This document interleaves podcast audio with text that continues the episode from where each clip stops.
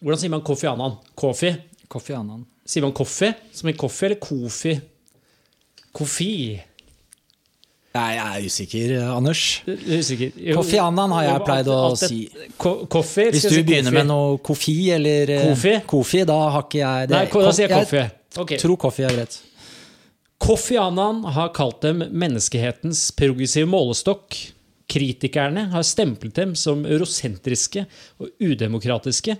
Mens hele Norges Terje Tvedt har karakterisert dem som en troserklæring for en stat og et politisk sjikt som ikke har mye annet å tro på.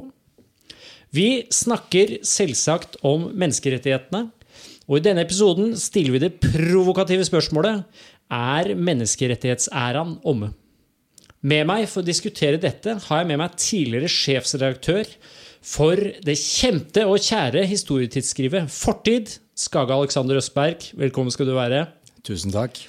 Er dette din første podkastinnspilling, opplevelse, type ting? Det er det, og jeg takker for å bli invitert til å diskutere de virkelig store spørsmålene. Du er, så vidt jeg har skjønt, en eh, ekspert på torturmetoder, er det sånn? Ja, nesten. Eh, Antitorturkampanjen. Antitorturmetoder, Ja. kan man si. Det er riktigere. Hva er det du skrev masteroppgave om? Jeg skrev eh, master om skandinaviske lands virke eh, for etableringen av FNs torturkonvensjon. Eh, Og jeg trakk litt, litt lengre tråder bakover òg, og fikk med meg klagesaken mot Hellas i 1967, hvor alle de tre skandinaviske land var inne. Så det ble en relativt stor periode, fra 67 til 84, og forsøket på å etablere nye får jeg si, menneskerettighetsredskaper mot tortur. Eh, Hva er det de drev med i Hellas? Hellas, der var det kupp og oberststyre. Og, omtrent over natten eh, forfølgelser, eh, tortur var en del av det, innskrenkning av politiske motstandere. Og dette var på et punkt i, i for seg menneskerettighetenes historie i utviklingen hvor det da var Det var ikke veldig stor presedens for å klage andre land inn for eh, europeiske menneskerettighetsinstrumentene. Så det var noe unikt som skjedde i 1967. Eh, Tre skandinaviske land reagerte planlagt selvfølgelig, og leverte klage samme dag mot Hellas. Jøss. Yes. Oppgaven din slutter i 1984. Hva, er slutt, hva liksom definerer sluttpunktet der? Er det skjedde noe spesielt? eh, Absolutt. FNs eh, vedtak av eh, FNs konvensjon mot tortur ble vedtatt. Men regimet i Hellas fortsatte? Når er det det gir seg? Er det på 90-tallet en gang? det? Nei, det, nå, skal jeg se, nå spør du vanskelig. Det var, var det i Når er det det kollapser het, da? Eh, det var tidlig 70-tallet. Eh, om, om det var 72-73, altså rundt Ja, der. Ja, okay. Eh, Og, og det er interessant da at etter det så følger det ganske raskt eh, rettssaker. Det var nasjonalt da, i Hellas mot de som, noen av dem som hadde stått, eh, stått for disse overgrepene. Ja. Så, sånn sett så Du, fikk en lykkelig slutt. eh, en rettferdig slutt. Lykkelig er kanskje å ta i, men en slags rettferdig slutt på dette. Det ble gjort et forsøk på å komme tilbake til status quo, ja. Ja. Som før kuppet, det kan vi si. Du har jo også etter innlevert master eh, drevet og skrevet og båret deg og gitt ut ting og artikler og sånn. Tidvis, ja. Ja, Hva annet er det du har eh, skrevet om eh, menneskerettighetene? Ja, du tenker, ja, nei, jeg har eh, ja, Vi hadde et nummer om det i fortid, jeg vet ikke om det var det du tenkte på, men, men utover det så er det ikke så lenge siden jeg ble utgitt i Nordic Journal of Human Rights sammen med min medforfatter, førsteamanuensis Hanne Hagetvedt Vik. Er det din medforfatter, eller var du medforfatter? Ja, vi, kan godt, vi kan godt si at jeg var, jeg var hennes, er viktig å presisere der. Jeg, hun, hennes navn står først, ja. Så det, ja, er det en rekkefølge på etter hvem som her slipper jeg ikke unna med noen Men ting. er, er- er det en slags hierarki der? Det navnet som står først, er den som eh, Ja, det- det er bærer mest vekt i Ikke en sånn eh, uvan, akademisk uva- uvanlig performa greie. At Nei, viktigste navnet står først. Hva, hva skrev du om da? Eh, Det, det var en relativt, syns jeg, komplisert eh, artikkel eh, om implementeringen av menneskerettigheter i Norge. Og, og hvorvidt det norske rettssystemet, det, egentlig den dualistiske eh, forståelsen av eh, internasjonal rett som én ting, norsk rett som noe annet, hvordan dette her da har påvirket eh, en del av, av, av historien. Ja, tid- tidsaspekt her var Ja, vi var, Hvor langt var det vi trakk det? Vi, vi studerte Barnekonvensjonen, eh, Torturkonvensjonen og ILO-konvensjonen. Vi, vi, var vel opp på 90-tallet, da. ja, før vi ga oss. Så du har en ganske grei oversikt over liksom, utviklingen av menneskerettighetssystemet i, i Norge og Norden, kanskje? da? Ikke, altså, og, og, dette er store temaer, det kan vi jo si med en gang. Så, så ha oversikt. Hvis noen påstår på podkast eller TV at de har oversikt over alt dette her, da er det grunn til å være skeptisk. ja, for dette er, det kan vi slå fast med det samme, at eh, dette er et rotete felt. Det er et stort felt, ja. Det er svært, og det er mange nyanser her. Mange nyanser. Det er nasjonale og overnasjonale størrelser, eh, og konvensjoner, og land som er uenige, og folk som prøver på kompromisser. og ja. Sånn sett et lappeteppe av litt av hvert. Ja, og ikke bare det, hvis jeg kan bare få slenge det inn. Det er også da ved mange fagfelt da, som har forskjellige tilnærminger til feltet. ikke sant? Det er, eh, dette bevarer meg vel juss, eh, psykologi, sosialantropologi. Historie er bare én måte å prøve å forstå dette på. Ja. Eh, vår provokative tittel i dag er jo da om menneskerettighetsæraen er omme. Eh, vi skal jo nå her først etablere konseptet om menneskerettighetsæraen. Altså fra Eh, når det først ble lagt fram denne eh, Human Declaration of eh, Nei, hva heter det? Universal Declaration of Human Rights. Er det Verdenserklæring på menneskerettigheter? Ja, vi kaller det på norsk. 48. Ja, riktig. Ja, Og frem til i dag. Fordi i nyere tid har det skjedd noe, nemlig, og dette er det vi, vi spiller på, at i de siste årene har jo selv menneskerettighetenes egne talsmenn eh, i sine egne rapporter gitt uttrykk for at det går i motbakke. Eh, det er autoritære, populistiske og nasjonalistiske utfordringer på ikke si alle, men flere kanter. Eh, og man har hatt et kobbel med kritikere eh, som i Asle Toyes ord har advart mot at menneskerettighetene er i ferd med å bli et vern for kverulanter, nudister og avokadoentusiaster. Hva er det som har skjedd her, Skage? Hvordan har man gått fra denne godslige ideen om eh, menneskerettigheter til eh, vern for avokadoentusiaster? Vi, vi, må ta det fra toppen. Vi starter i 48. Ja, det kan vi gjøre. Vi kan godt starte der. Eh, jeg, jeg har bare lyst til å først si at dette, det, det er en komplisert forhistorie da, før det. det menneskerettighetsbegrepet har hvor langt tilbake den strekker seg, er, er omstridt. Eh, men det er definitivt en forhistorie fra eh, uavhengighetserklæringen. Thomas Paine var vel en, en, av de tidligere personene som brukte ordet 'human rights', også helt opp til, til 48. da. Ja, man har jo John Locke fra tidligere, fra 16, ja, ja, ja, om 'natural det, rights of man' en, og den type ting. ja. Franske, altså En hel haug grunnlover, andre ting, har tatt inn forskjellige prinsipper. Riktignok hele Stort sett da, nasjonalt begrenset var alt dette. Men, men det har, og det har vært mange kampanjer. da, ikke sant? Antislaveribevegelsen, kvinne, kvinnefrigjøring. Ja, Joe Stuart Mill og kvinnefrigjøring og andre. Ja, ja. ja. Mm. Så vel vitende om det, så er det grunner til å begynne i 48, eller kanskje 45-47. Eh, det som skjer etter andre verdenskrig, er eh, med etableringen av FN, kan vi si. Så sier denne nye, eller pakten i, for denne nye verdensorganisasjonen slår fast at menneskerettigheter skal være en del av eh, organisasjonens domene eller virkefelt, om du vil. Det, interessant nok så ble det gjort uten at man var helt enige om hva menneskerettigheter da skulle være. altså Det var ikke klart definert. Eh, et forsøk på å definere det eh, ble gjort i 48 med verdenserklæringen om menneskerettigheter. Det tok, hvis jeg husker riktig, omtrent to år med, med forhandlinger og forarbeid uh, før den var ferdig. Det var uh, ja, altså det, ble, det, ble, vel annonsert uh, i ganske flotte ordelag som om at man håpet at dette skulle være en Magna Carta eller Bill of Rights for menneskerettigheter. Denne gangen globalt. Så kommer denne verdenserklæringen, der da kanskje først og fremst viktig å vite at den ikke var bindende i seg selv. Eh, det var ikke alle land som stemte for den. Det var 58 medlemsland i FN på den tiden. Hvis den, hvis den ikke er bindende, hva, hva, er den da? Nei, da er det da, Det det er da det, Hvordan var det? Altså, i, en, I en annen forbindelse så, så, var det en svensk eh, diplomat som snakket om tortur, det jeg studerte, torturkonvensjonen, og han kalte det de hadde fått fram, som common denominator. Fellesnevneren. Ja, en slags enighet om eh, Hva skal man si Visse prinsipper man har overordna mål å styre mot. Det er først en forhandlingsprosess Ja. hvor man må fremme et dokument. Det er vanskelig i seg selv og var skarpe og delte meninger om hva denne her skulle inneholde. Så må den godtas, stemmes, ikke nedstemmes, da. Av 58 land. Jeg tror det var 10 som avsto, eh, men ingen stemte imot, hvis jeg husker riktig der. Og det du da sitter igjen med når du har lagd et instrument som er en erklæring, det er en, du kan tenke på det som en slags intensjonavtale for de land som skriver under på den. Ja. Det vil si at vi er, signaliserer vår intensjon til å følge disse prinsippene.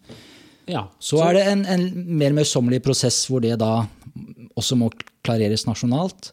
Og det er vanlig å følge disse erklæringene opp med en konvensjon som er bindende. Som igjen må signeres og ratifiseres av hvert enkelt land. Som er da at Har Norge da sin egen konvensjon? Nei. De, man lager da internasjonale konvensjoner igjen, Ja, som er mer spesifikke. Ja, altså Norge har ikke sin egen, men, men uh, jeg kan godt ta gangen i det. Først har du en FN er bare det kan vi jo først si, et uh, intergovernmentalt samarbeid. Da. Det, går, det er også regionale enheter rundt omkring her som har sine egne konvensjoner. Europarådet, og, Ja, nettopp. Eh, Amerika har sitt system, og- Allerede her litt lappeteppe. Absolutt. Ja. Så hvis det blir komplisert, så får du stoppe meg. Jo, jo, men ja. det, det, det er jo innforstått med. men, men, sånn er det. men, men ta verdenserklæringen, da. FNs verdenserklæring, som du var inne på. ja. Det var et håp allerede da den ble innført i 48 om at eh, dette skulle føre til en konvensjon. Eh, Jeg tror ikke de fleste hadde trodd at det skulle ta hva var det, 18 år, 1966 før man klarte å få på plass en konvensjon. Da er det en, et nytt FN-dokument som må ratifiseres. Det, det, det, det er stadig FN som er organet hvor menneskerettighetene først og primært eh, vokser frem? Er det Ja, FN er det organet vi snakker om nå, med verdenserklæringen. Og det er den eh, første. En, en annen måte å tenke på det er at Eller dette, er uh, menneskerettighetene i moderne forstand. da, Kom, Ja. kom FN, kan vi vel kanskje si. Også, og, og de landene da som blir spurt om å ratifisere dette, er det FNs eh, medlemlandene? ja, og de har da, altså, Som jeg sa, det var 58 av dem da. Nå er det 193. Så det, der er det også en enorm utvikling. da. Ja, ikke sant? Ja. Men, men er, det, er det et krav for å være med i FN at du undertegner? Det er i hvert fall et eh, Nei, jeg- nei, jeg vil ikke tro det er noen krav for å Eller hvordan er det? Kanskje er det? Eh, Nå er jeg usikker. Nå spør du mer enn jeg Ja. Det kan dere google hjemme, Det er- kjære lyttere. Det kan google selv. Altså, jeg vet, I Europa, eh, Europarådets menneskerettighetssamarbeid, er det forholdsvis strenge krav for eh, å ha allerede etablert et menneskerettighetsvern før du kan bli medlem der. Så Europa har sin egen Det er et regionalt greie. system. Har, ja. har USA en egen liksom, Eller Amerika har de en egen Organisasjonen av amerikanske stater har etablert 1948. De har en egen greie? Det har de. er det noe i Asia? Det er det også. Er det e- Afrika er det egne? Afrika har en. Det er, altså det er flere organisasjoner. Én er Organisasjonen for afrikansk enhet. Det heter vel nå Den afrikanske union. Og de- har er sine egne kjente. konvensjoner igjen? De har gjort egne forsøk ja, på Ja. å formulere menneskerettighet. Bare forsøk? Er Nei, ja, men altså, nei da, de har, det er absolutt en konvensjon der. Men man kan jo si at implementeringen og hvor langt dette her går, er, jo, er det store regionale forskjeller på. Da. Det er det. Ja. Ja. Så man starter her. Eh, du sa, nevnte på 60-tallet så begynner det å komme en del konvensjoner. Eh, vi vet at utover på 70-tallet så begynner liksom det, man, det vi, vi har kanskje da kalt som, kan kalle for menneskerettighetsæraen, begynner liksom virkelig å komme i, i gang. Da får man altså, er det riktig at man får flere og flere konvensjoner. Man begynner å få på plass noen rettsapparater og litt sånn type ting. For det var vel ikke noe rettsapparat som var på plass liksom, i 48? Var det det? Nei, vi kan godt, det, Dette har vokst eh, hele tiden. eh, Mm. Og, og blitt, det har både kommet til forskjellige konvensjoner, og det har vært også en lang og relativt komplisert utvikling i, i forskjellige domstoler og institusjoner rett og slett som følger dette her opp. I da FN har sin historie, Europa sin osv. Vi har jo tegnet eh, inn i, nei, menneskerettighetene inn i Grunnloven i Norge. Norge har gjort det. Og der- har det vært en, en, eh, en stor utvikling hvor du veldig kort kan si at vi snakker om at Norge og skandinaviske land var langt mer opptatt av å fremme menneskerettigheter i andre steder enn Skandinavia. På Ja, 60-, 70- og 80-tallet f.eks. Ja. Med en glidende overgang til eh, langt mer fokus på hvordan vi selv gjør dette. Og så gikk vi veldig langt i 1999 med menneskerettighetsloven, som faktisk gir da, ikke alle, men fem var det vel, hvis jeg ikke husker helt feil, FN-konvensjoner og, og den europeiske konvensjonen forrang foran norsk rett. Og så følger vi opp det senere ved å hamre dem inn i Grunnloven, så du får ikke endret på det heller uten Er, er det en vanlig eh, trend at ulike land faktisk skriver det så langt inn i, i sitt eget rettssystem at det går, har forrang? Nei, det er progressivt. Det er å ligge i forkant. eh, Det er vel, men, ja. men i dag, da, i, i 2019, er, Ja, nei, ja, er det- det blitt vanligere, eller er det jeg, jeg si fortsatt spesielt? Det er fortsatt spesielt. Det er det. Absolutt. Men, men det er også en da pågående prosess da, hvor det går an å Hele tiden diskuteres dette, hvordan man skal gjøre det. Men det er fortsatt å ligge i forkant. det vil jeg si. Det er noen som har sagt det at det er på 70-tallet at kanskje det systemet som vi kjenner som menneskerettighetskompleks liksom, eh, i dag, med rettigheter og domstoler og etc., etc., altså det kom på plass på 70-tallet. Er det noe du eh, kjenner deg? Nei, jeg vil ikke si det sånn. Jeg, det, det, altså, historikere har hatt en stor debatt uh, de siste årene eh, om eh, når slo menneskerettighetene igjennom. Det er enighet og helt klart at, at dette startet med FN. Eh, men det gikk så tregt i begynnelsen at man har stilt seg spørsmålet når kan vi snakke om et gjennombrudd.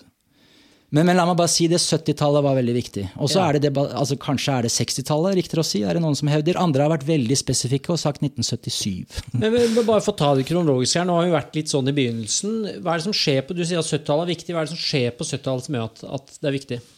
Det er et par eh, gjennombrudd som skjer, da, om du vil. Eh, Et av de var det jeg i og for seg studerte. Det var eh, Amnesty International når et sånt nivå at de klarer å virkelig bli følt av presset de har i FN. Og deres torturkampanje ble startet i desember 1972, blant annet. Og førte til veldig kort tid etterpå reaksjoner i FN, som ledet sakte frem til en torturkonvensjon. Så har du eh, forskjellige samarbeid ja, i Europa, i og for seg, men hvis vi holder oss eh, til FN da, en, en annen teori i og for seg er, er USA. kan vi kanskje ta, det Carter er det noen som har lansert. Det var stort. Uh, at han annonserte at nå må vi ha en jeg tror det var absolute commitment to human rights i vår utenrikspolitikk. Når, når var det? Han trådte inn, eh, så I 1977 ble han president 77. Ja. og holder denne talen. Men, men, men det igjen henger sammen med da Jeg tror man må tenke lenger tilbake. 60-tallet, Vietnamkrig. Ikke sant? Ja. Ja. Hele- Det er det som setter USA på I USA, eh, borgerrettighetsbevegelse, Nettopp. hele den uh, greia. Og, og bare for å legge til det en annen veldig god grunn til å fokusere litt på 60-tallet, er at to store ting som skjer, da, er jo at uh, de to konvensjonene, basert på verdenserklæringen, faktisk blir vedtatt i 66. De trår ikke i kraft før i 77, men akkurat i disse ti årene da, så er, eh, blir menneskerettighetsspråk, om du vil, eh, mye mer eh, Var det ratifisert av Sovjet? Hva sa du? Ble, var Sovjet med på dette? Sovjet var, eller det er en lang og komplisert historie. De var, bevare meg vel, både Sovjet og USA var med på dette, helt bortsett fra at USA trakk seg litt tilbake på 50-tallet. Det var et, lenge et håp om at verdenserklæringen, det er én erklæring, skal bli én konvensjon. Det var ikke mulig å få til. Så den ble, Det er to konvensjoner som følger opp den. Begge blir vedtatt samtidig i 66, og begge trår i kraft samtidig i 76, hvis jeg ikke sier noe Hvorfor ble de splitta? ja, nettopp. Det, det er eh, kobles til, eh, med rette, eh, kald krigsproblematikk. USA støttet én side, Sovjetunionen den andre. Og de blir da delt i en konvensjon om sivile og politiske rettigheter. Veldig vestlig rettet, da, om du vil, eller vestlige land var komfortable med, og gjennom sosiale, økonomiske og kulturelle rettigheter. Der får man en ganske Som Sovjetunionen backet. Ja, de backa det. Ja, ja. nettopp, ja. Men allerede der, ganske på et tidlig tidspunkt, så har man en slags splittelse i oppslutningen rundt eh, menneskerettighetene. Ja, jeg vil bare legge til at Den splittelsen skjedde allerede i 48. Sovjetunionen var de, en av de landene med flere andre østeuropeiske land som ikke stemte for verdenserklæringen. Det var de som avsto fra Avsto fra. ja. De stemte heller ikke imot, men de stemte ikke for. Så, så, så splittelsen var der hele veien. Dette har vært en vanskelig prosess, og det bare krystalliserer det veldig, eh, det bildet av de to konvensjonene. Ja, det det. Mm. Men så da skjer det jo Jeg er spent på eh, din, eh, din case, eh, din masteroppgave om tortur og Amnesty og de skandinaviske landenes jobb mot å innføre eh, menneskerettigheter mot tortur. For her har man jo en av kan man si det, altså det er jo et trist tema, men det er jo en av da gladsaktene eller eh, suksesshistoriene til menneskerettene, kan man si. Ja, det er i hvert fall beskrevet sånn. Jeg er enig i at det tidvis er et dunkelt tema å dyppe ned i. Det er mye triste rapporter og historier.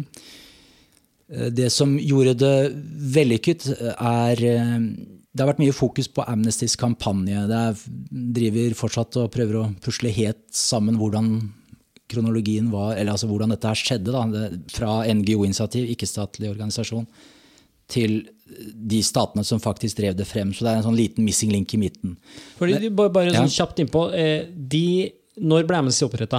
1961. Og de startet denne kampanjen 1972. 1972. På menneskerettighetsdagen 1972. Amnesty er jo en stor organisasjon i dag. Var den største menneskerettighetsorganisasjonen. Var det en relativt ukjent liten Veldig. sak da? Den starter på en veldig interessant måte. Det kan vi kanskje ta oss tid til. Ja, ja. Det er med en artikkel skrevet av Peter Benson.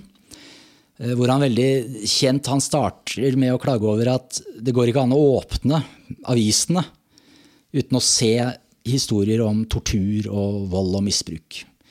Og Derfor hadde han lyst til å lansere, han og andre med han, da, lansere en kampanje for amnesty for det de kaller politiske fanger. De hadde jo sin definisjon på det. da.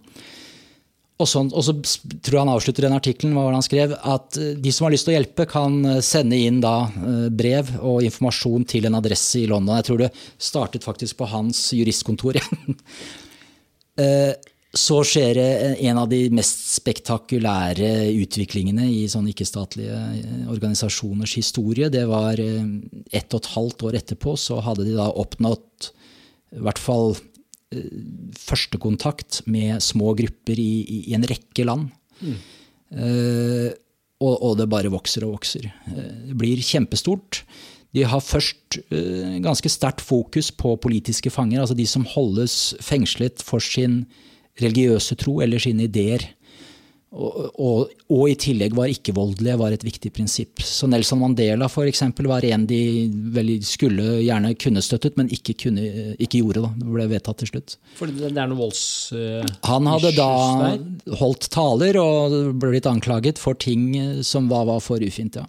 Nettopp, ja. Så det, det, var en av de mest kjente du ikke kunne støtte. Da. Men bortsett fra det så vokser jo denne organisasjonen da, eh, og får eh, blir veldig raskt en stor eh, Den største menneskerettighetsorganisasjonen.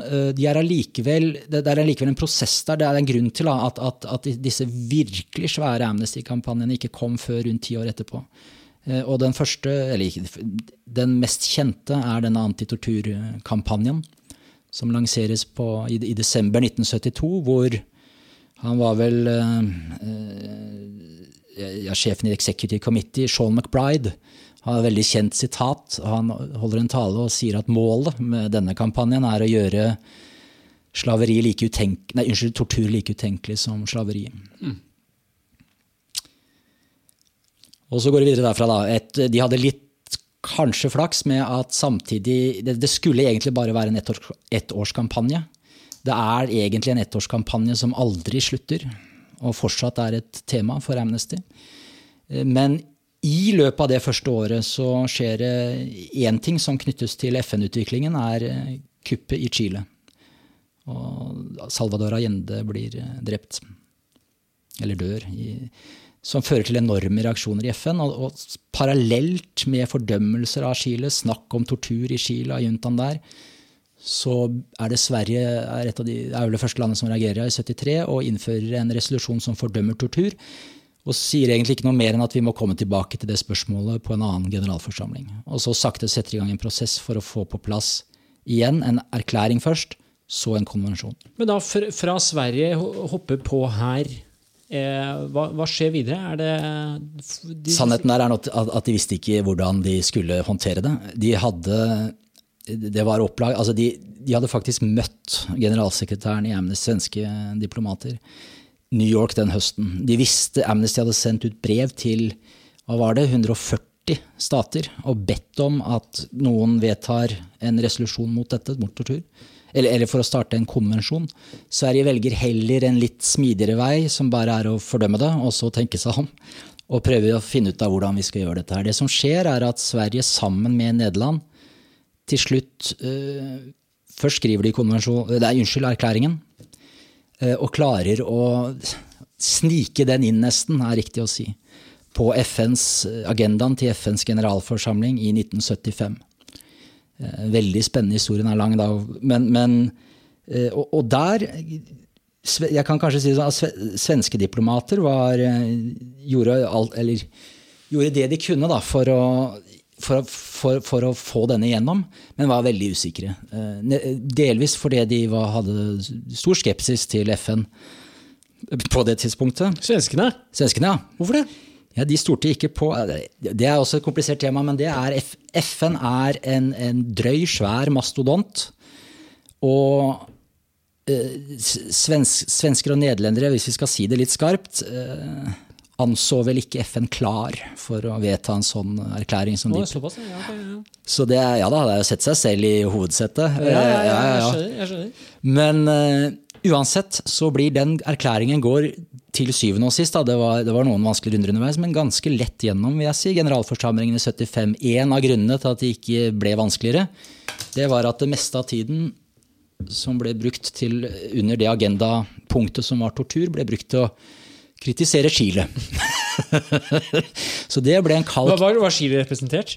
Chile var representert og prøvde å forsvare seg. de gjorde det? Ja, ja altså, de, de, var jo la meg si det sånn, omtrent så på defensiven du kan være, da, etter at ja. Amnesty hadde Amnesty og andre utgitt rapporter da, om tortur og var under hardt press fra ja, På toppen av lista var jo da Sovjetunionen og stater med dem. Da. Så, som, så, så, dette var, når Sovjetunionen kritiserte Chile, så var det bevare meg vel en kald krigsdimensjon i det. ikke sant? Chile var en alliert av USA.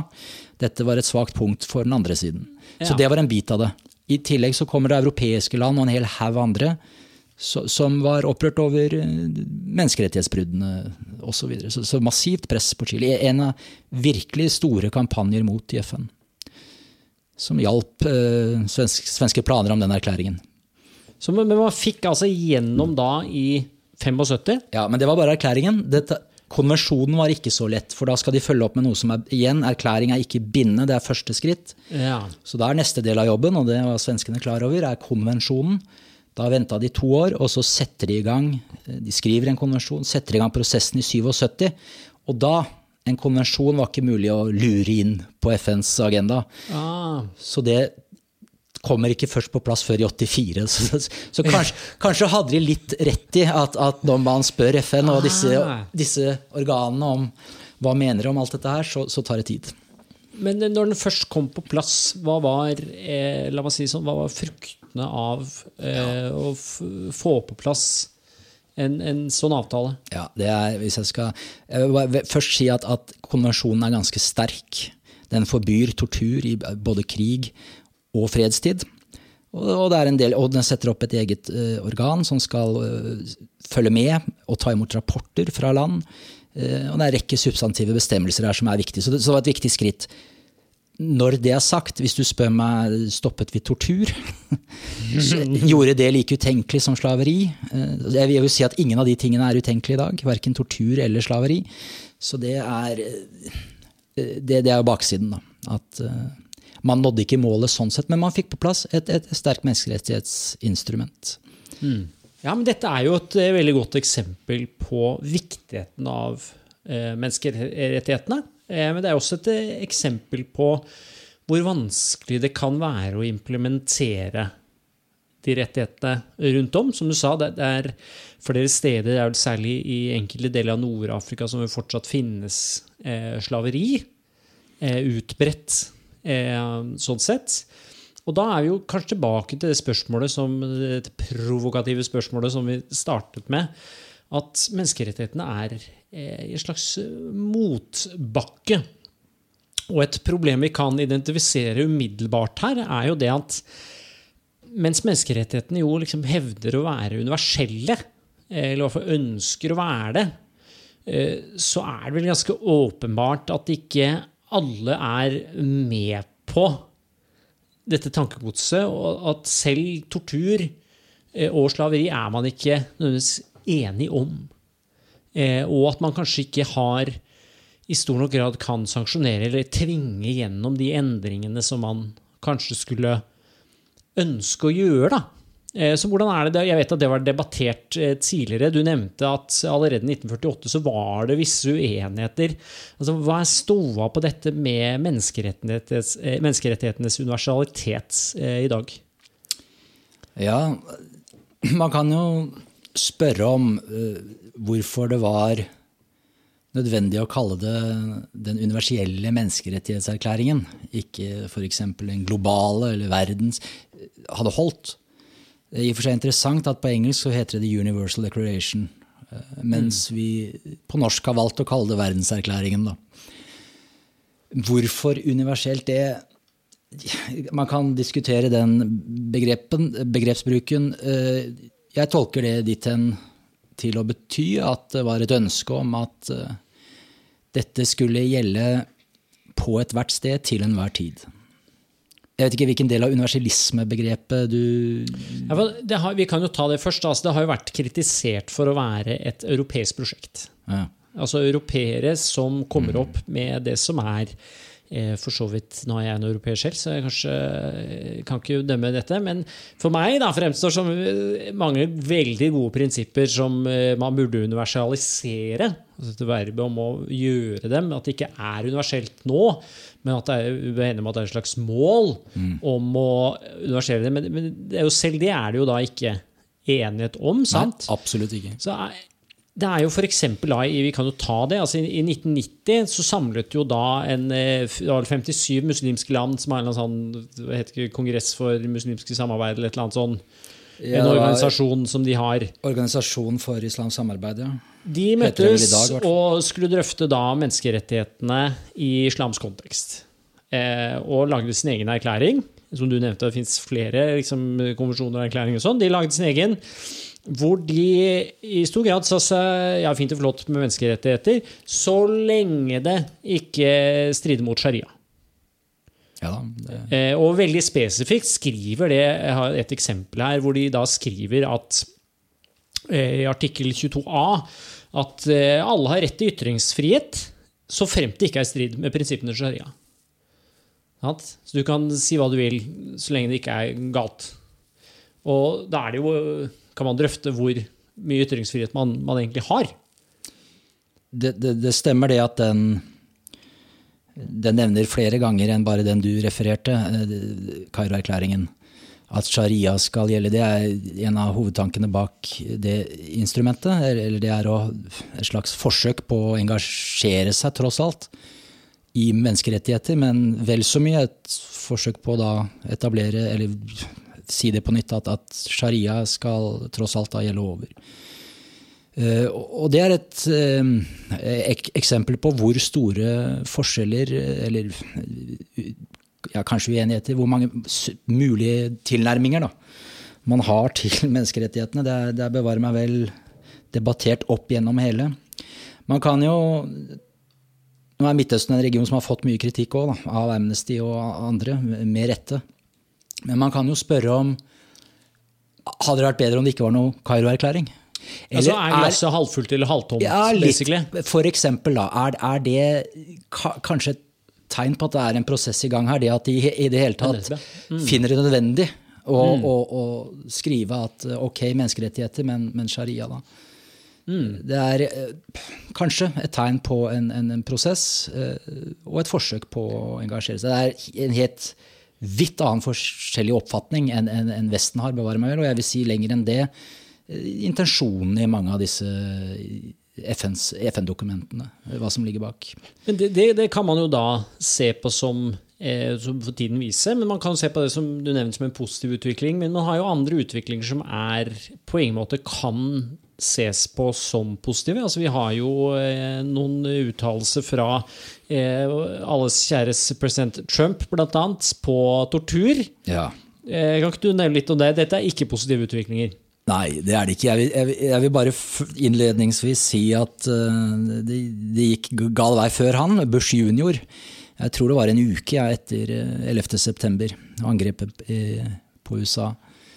Uh, så ga han uh, nye direktiver til Etterretningsvesenet om bruk av såkalte ja, Uttrykket var vel 'enhanced interrogations'. Og bruk av tortur, rett og slett. Altså Waterboarding var en av konsekvensene. Eh, så har vi nå en eh, president som i sin eh, Da han var presidentkandidat, hva var sitatet da? Det er at 'waterboarding is too good for them'. Det er klart, det er jo ikke en heldig utvikling. Det Absolutt ikke. Men La oss ta et annet eksempel som er i, i form av makt. Er en, om ikke rak motsetning, iallfall en motsetning til USA, Nord-Korea. Ja. Der er det også, eh, i den grad vi har innsyn i bruddene som foregår på menneskerettighetene der, så er vel et kroneksempel på et eh, Jeg vil ikke si et land, det, men i hvert fall en, en, en, stat, en regjering, et system som, som ikke vil eh, vedkjenne seg menneskerettighetene. Eh, hva, hva, gjør man overfor et, et sånt land? ja, hva hadde jeg visst det? Altså, Nord-Korea er eh, det er som et av problembarna man bare har eh, valgt å ignorere mer. Straffe og dytte i en krok. Eh, Handelsblokader ja, altså De har jo vært under uh, virkelig strenge sanksjoner i, i, i lang tid. Ja. Men hjelper sanksjoner mot et land som allerede er så lukka? Nei, Det er jo en av de eksemplene hvor det, ikke har ført til noen, ikke noe regimeskifte. Ikke noe, nei, ingenting, nei. egentlig. Det er litt interessant nå at i og for seg Trump-administrasjonen har jo valgt en ny linje nå. Vi aner ikke hvor det ja, dette, ender hen. Dette fredsavtalen mellom sør og nord. Ja, tross alt prate med dem, da. Ja, ja. Så vi får jo bare se om det fører med seg noe som helst. Men det er, ja, har vært en sånn hard uh, nøtt uh, arvet fra den kalde krigen å knekke den der eh, Nord-Korea. Ja, og jeg føler jo at det på en måte går til kjernen av dette med menneskerettighetenes universalitet. At man ønsker at det skal gjelde eh, overalt til enhver tid, som du sa. Og det er jo da et interessant spørsmål at vi Man har jo et moralsk ansvar overfor borgerne i Nord-Korea også. Eh, men når det ikke går an å samarbeide med staten, som rår over disse borgerne, eh, så har man liksom ikke noe pipeline ned til å, å nå de menneskene som disse menneskerettighetsbruddene begås mot. da. Eh, og er, er, må vi forstå sånn at menneskerettighetene fortsatt på en måte fungerer mellomstatlig, først og fremst? Og at når en stat ikke, altså ikke vil samarbeide så er det vanskelig å jobbe med befolkninga på, på bakken. Ja, men jeg, jeg syns ikke du trenger å gå til et så ekstremt eksempel som Nord-Korea for å si det. Det er plenty av land. Eh, igjen, da, dette er en glidende utvikling og hvordan det går på forskjellige steder. Så man kan jo hele tiden håpe at det går i riktig retning. Men det er jo oseaner av eksempler på land som ikke vil eh, implementere, ta inn eller være med på disse samarbeidene. Da. Så og, og opp mot universal, universell debatten, det begrepet, så er det kan man kanskje si at det er, eh, har vært mer et håp, ja, og definitivt ikke en realitet. Det har vært akkurat den biten av menneskerettighetene har vært kalt en utopi av en eh, kjent historiker, Samuel Moyne, for en stund siden. Et annet spørsmål som jeg nevnte innledningsvis her, er altså da eh, kritikken om at er menneskerettighetene utgjør et demokratisk problem. Eh, og dette kommer jo da med dette spørsmålet om, eh, som vi var inne på i sted også, at Norge jo har underlagt seg en internasjonal standard, altså juridisk standard, om man vil. Og, det kan vel minne litt om den samme konflikten man har overfor EUs eh, e eh, lover og regler, eh, som Norge også dels ligger innunder. At man ikke lenger er Det er ikke den folkevalgte altså folkevalgte Stortinget som bestemmer over innholdet nødvendigvis i reglene som man mm. må forholde seg til. da er, eh, har, har, du noen oversikt over eh, de stridige punktene der? Hva er det man er enig og uenig om der? ja, det eh, Hva man er enig om Ja, jeg er enig med deg at, at det har vært eh, debatter og problematikk eh, reist rundt nettopp dette, og det vil det nok være i fremtiden òg. Altså, bare det punktet om overnasjonalt her, eller ikke, det er jo Stortinget da, som har påtatt seg de forpliktelsene Norge har påtatt seg, tross alt. Jeg har lest at, at kritikerne eh, irriterer seg i grunnen over dette at eh, de sier her har vi ikke noe makt lenger, vi har sagt fra oss makten. Og så sier da eh, forsvarerne sier da at jo, men eh, vi, det var vi de folkevalgte som ga fra oss makten. Mm. Eh, men da er spørsmålet Ja, det er jo fint og flott, men når det gjøres endringer til det som ble vedtatt, eventuelt om du får inn da et nytt sett med folkevalgte som ønsker å endre ja. på noe av det, så har man ikke tilgjengelig, så har man ikke mulighet mm. til å gjøre det. Man har flere instanser. Et eksempel er som eh, og Man kan mene hva man vil om det, men eh, et eksempel som jeg har lest, er Costa Rica, som har undertegnet på eh, en konvensjon et eller annet sted som nå har blitt pålagt å eh, innføre homofilt ekteskap. Dette er et eh, katolsk land. Mm. Eh, og de sier at det har ikke vi skrevet under på. Ja, vi skrev under på noe greier, men, men, vi hadde aldri skrevet under på det hvis når vi skrev under på det, var pålagt å innføre homofilt ekteskap. Da hadde det garantert ikke gått gjennom. Um, og det, dette er en type problematikk man har med EU. Ja Også at man, ja, man gikk inn i EU, men når du først har gjort det, så er det liksom, ja, da har du sagt fra deg. Mm. Og så kan du godt si at ja, det var de folkevalgte som gikk inn i, i EU, men under hvilke premisser? Mm. Hvis de premissene endres etterpå, er, de da, er det da en demokratisk prosess? Mm. Nei, det er i og for seg eh, Det har jo vært eh, debatter om det nylig, da. Uh, Terje Tvedt er jo en kjent ja, ja. ja. Er det, er det, noe vi kan, kan, vi skrive brexit inn i dette? Brexit er altså først og fremst som EU, men da, vet du om det har vært en issue med menneskerettighetene og brexit? Nei, jeg kommer ikke på noe Nei. konkret der, men, men, i farten. Men, men, demokratisk underskudd er jo en, en veldig kjent debatt vis-à-vis -vis EU. Jeg, jeg, vil bare si at det er tross alt da, store forskjeller på disse samarbeidene. EU, eh, e eh, ulike menneskerettighetskonvensjoner, regler og, og, og samarbeidsprosjekter. Eh, og generelt sett så er jo menneskerettighetsforpliktelser langt svarere, svakere enn en, en EU-reglene, f.eks. Så jeg ser ikke noe altså, Norge har gått, Når det er sagt, så har Norge gått langt ikke sant, i å mm. implementere og meisle i stein, om vi skal være litt kategoriske, vår forpliktelser, mm. eh, forpliktelse til menneskerettighetene. Og det går jo an å tenke seg. Vi driver vel fortsatt da, og finner ut av hvordan dette her skal bli i fremtiden, men det går jo an å tenke seg at det dukker opp problemer eh, over tid. Jeg er faktisk kanskje mer interessant, det er en av menneskerettighetenes store svakheter, egentlig. Altså så, så gode intensjoner kan være så gode du bare vil bak dem. De, er, vil, de, blir jo alltid eldre, ikke sant. Og på et eller annet tidspunkt så vil det jo være fristende å gjøre ting annerledes, eller finne på noe kanskje enda bedre. Eh, og der bevarer meg vel et, et, press for å gå unna, eller vike fra det. Som da, da kan bli vanskelig, spesielt for Norges del. Dette er en pågående debatt, og jeg syns mye av det det har vært da, de siste årene nå, eh, mye av det har, eh, er del av en populistisk bølge. Vi må kunne si noe av dette, i hvert fall. Mm. Og noe sånn ja, det, det, nasjonalistiske kontra det overnasjonale. Hva stoler man på, hva stoler man ikke på? Men jeg tror det er viktig å huske på da, at uh, jevnt over i verden og i ganske lang tid så er den desidert mektigste uh, strukturen staten. Nasjonalstaten, om du vil. Mm.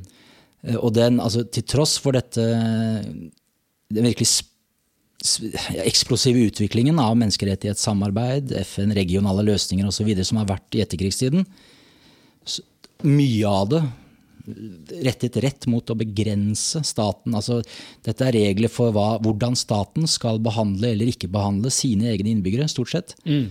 På et helt sånt basic plan. Til tross for all, alle de forsøkene på å begrense, begrense staten, så er staten fortsatt den helt soleklare, mektigste ja, pyramiden. Og, og hvis, en, hvis en enhet altså det, er, det, er veldig, det kommer jo an på da situasjonen, historien, hva er det snakk om? Hvor stort og mektig er landet? ikke sant? Men, men, å få no, en, en, stat som virkelig ikke vil, til å samarbeide, det er vanskelig. Og da er du over på inngripen, eh, militære løsninger, den, eller, eller, sanksjoner da, i første omgang, men, mm. men allikevel som er omstridt. Så du, du, føler altså i mindre hvor stor grad det er, men i mindre, kanskje langt mindre grad også enn EU, så har menneskerettighetene utfordra nasjonal suverenitet. Ja, det er de lagd for å gjøre. Men allikevel ja, altså, altså jeg, mener, jeg skjønner, en, en, viss grad av utfordring må det være der, men du, ja. du føler ikke at de har liksom overkjørt nasjonale demokratiene, f.eks.? For ja, forstå meg rett, de er lagd for å gripe inn, men, men allikevel på et veldig lavt nivå, da, altså relativt, ikke sant? Ja. ja. Det er ikke snakk om å ta over styre og stell i landet helt, skjønt dette også er da graden av osv. er påvirkning av hvor langt samarbeidet er kommet. Men ta en ting som ikke tortur, da. Det, det, er noe man kunne jo håpe og tro at alle skulle vært enige om, men man ikke er nødvendigvis. Det er litt gøy med waterboarding, da. Ja, nei, jeg syns ikke det, men, eh, men, men, der er vi. Uh, Buks, buksvann er greit. Jeg, synes det er, altså, jeg vokste opp i Speideren. Ja. Jeg har fått og gitt buksevann. Ja, speideren er jeg enig i, jeg kan ja, ja. sammenlignes med tortur. Men buksevann er, er, ikke helt i samme kategori, tror jeg. Det. Nei, det faller ikke det inn under tortur? Nei, ikke, ikke, det er lov? Ikke enn så lenge. Kanskje det bør utvides. Et annet punkt jeg har på programmet her, er jo da selve, som vi ikke har drøftet nå, er selve innholdet av menneskerettighetene. Altså hva menneskerettighetene går ut på. Ja. Eh, og her vil jeg ha en oppklaring. Altså, vi har jo da dette, denne erklæringen fra 48. Her er det 30 punkter. Eh, er, disse, liksom de, er dette grunnloven, so to speak, for menneskerettighetene? Disse 30 punktene fra 48? Er det sånn det fungerer? Nei, ikke helt. Det var, det var tenkt det, det, er et sånt helt sentralt uh, fundament.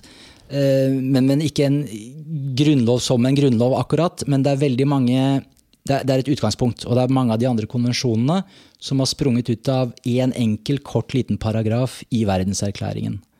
Eh, tortur, barns rettigheter. Ja. Også, altså, hva er vi oppi her nå? Det fins altså, en rekke konvensjoner. Det er ikke en, det er ikke en liksom, oversikt over menneske, hva er de menneskerettighetene. Det er ikke én oversikt. Nei, jeg, det er vanskelig å finne en oversikt overalt. Det er det. Og, ja, fordi jeg kan, jeg kan, jo si deg, du, du har jo en bok her om eh, noen sånn innføringsbok mm. i menneskerettighetslovgivning, og den er tjukk som en murstein her borte. og det er kun en innføringsbok. Det er en veldig enkel innføringsbok i juss. Som er hvor mange sider?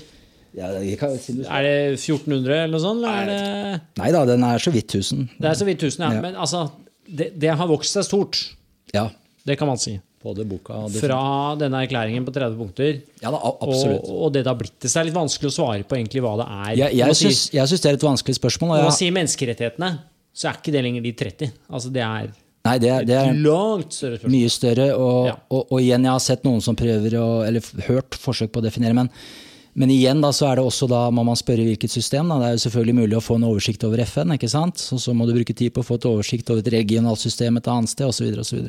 Men her er det jo da Jeg har lest eh, de opprinnelige 30 punktene ja. selv. For første gang, må jeg si. Jeg, har ikke, jeg tror ikke jeg er alene om det, om egentlig ikke vite helt hva menneskerettighetene går i. Jeg har hatt en slags vag vag forståelse, kanskje, ja. av tortur og litt sånn her type ting. Eh, kritikerne har jo påpekt at eh, om ja, Vi kanskje ikke ta i bruk ordet schizofren, men har påpekt at det er en dualitet eh, til Hvis vi bare forholder, glemmer den tjukke boka di og forholder oss til 30 første punktene, mm. så er det en dualitet i at de første 21 punktene er veldig veldig streite. De jeg omtaler det De liker du. De liker jeg. De vil, jeg liker streiting, så jeg liker de første 21. De omtales gjerne som negative friheter, eller på engelsk 'liberties'. Mm. Som er altså den type ting som eh, gjerne er retta mot først og fremst mot staten. At staten er eh, ja, For å forhindre at staten eh, eh, gjør overgrep mot individet, så er det en type ting som gjerne kalles for, altså som habeas corpus, f.eks. At man eh, ikke kan lov til å anholde noen uten grunn, eh, og alle har rett på, på, på en saksgang etc. etc. Man har ikke lov til å drive tortur, er vel en del av første 21, tror jeg. Eh, Ja, det og det er en rekke sånne ting som eh, forstås det som kalles for negative friheter. At eh, det er sånne ting man, folk ikke har lov til å gjøre mot deg. Eh, kan forstås som. Så eh, eksempel når du har ytringsfrihet, er blant de 21. Eh, altså de 21. første. Eh, for det er altså da Andre kan ikke nekte deg å si noe. Så det er negativ fritid. Eh, men så, fra og med artikkel 22, så skjer det ting. For da kommer vi til det som heter positive rettigheter. Det vil si ting du har krav på. Ting andre er nødt til å gi deg. Sant? Eh, og det er jo her man har skrevet inn Basically det som er hele velferdsstaten, er skrevet inn i menneskerettighetene. Her er det dagpenger, det er betalt ferie, det er gratis utdanning, det er uføretrygd, det er barnebidrag, det er eh, krav om at skoleundervisningen skal fremme FNs agenda. Det er en haug med sånne her type ting som da ikke er eh, restriksjoner på staten, men som er krav på hva staten skal drive med eh, overfor sine borgere.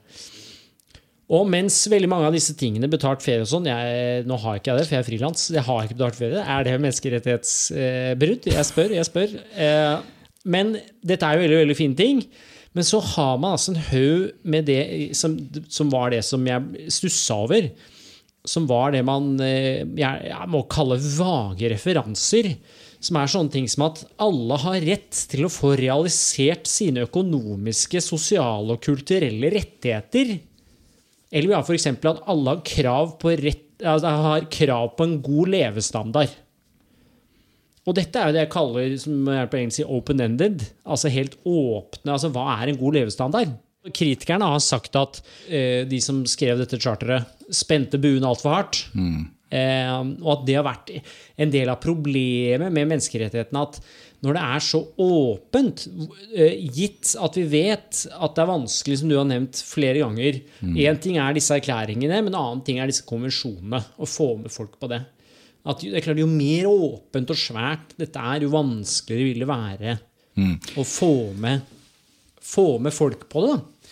Jeg føler at Mange av disse positive rettighetene også er jo, selv om jeg er enig i det meste av det, er jo også veldig politisk ladd. Så det er langt fra alle som er politisk enige at alle har rett på for eksempel, Det står at man har rett på jobb. Ja. Det har man jo ikke i Norge.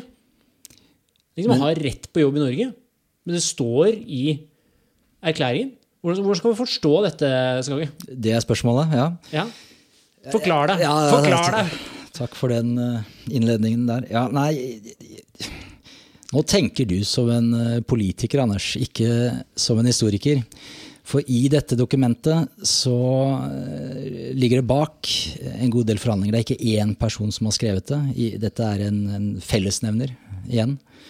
Eh, eh, Blant annet, eller jeg kan si det kanskje sånn at det jeg hører nå fra deg, det er at du liker bedre eh, sivile og politiske rettigheter enn rettigheter fremmet av I- østblokken. Nei, nei, nei, ikke like bedre. Jeg anser dem som enklere å dure gjennom i det som forstås som eh, Som gjerne skrives i jusspråk og forstår mer som noe man skal dure gjennom som lov og rett. Ja, Det er litt vanskelig å dure gjennom at noen skal ha rett på jobb. Absolutt. Det er et politisk spørsmål, ikke et jusspørsmål. Så det er ikke at jeg liker personer bedre. Altså Personer skulle jeg veldig gjerne likt å leve i en verden hvor folk hadde rett på jobb. Jeg bare anerkjenner at det er vanskelig å gjennomføre.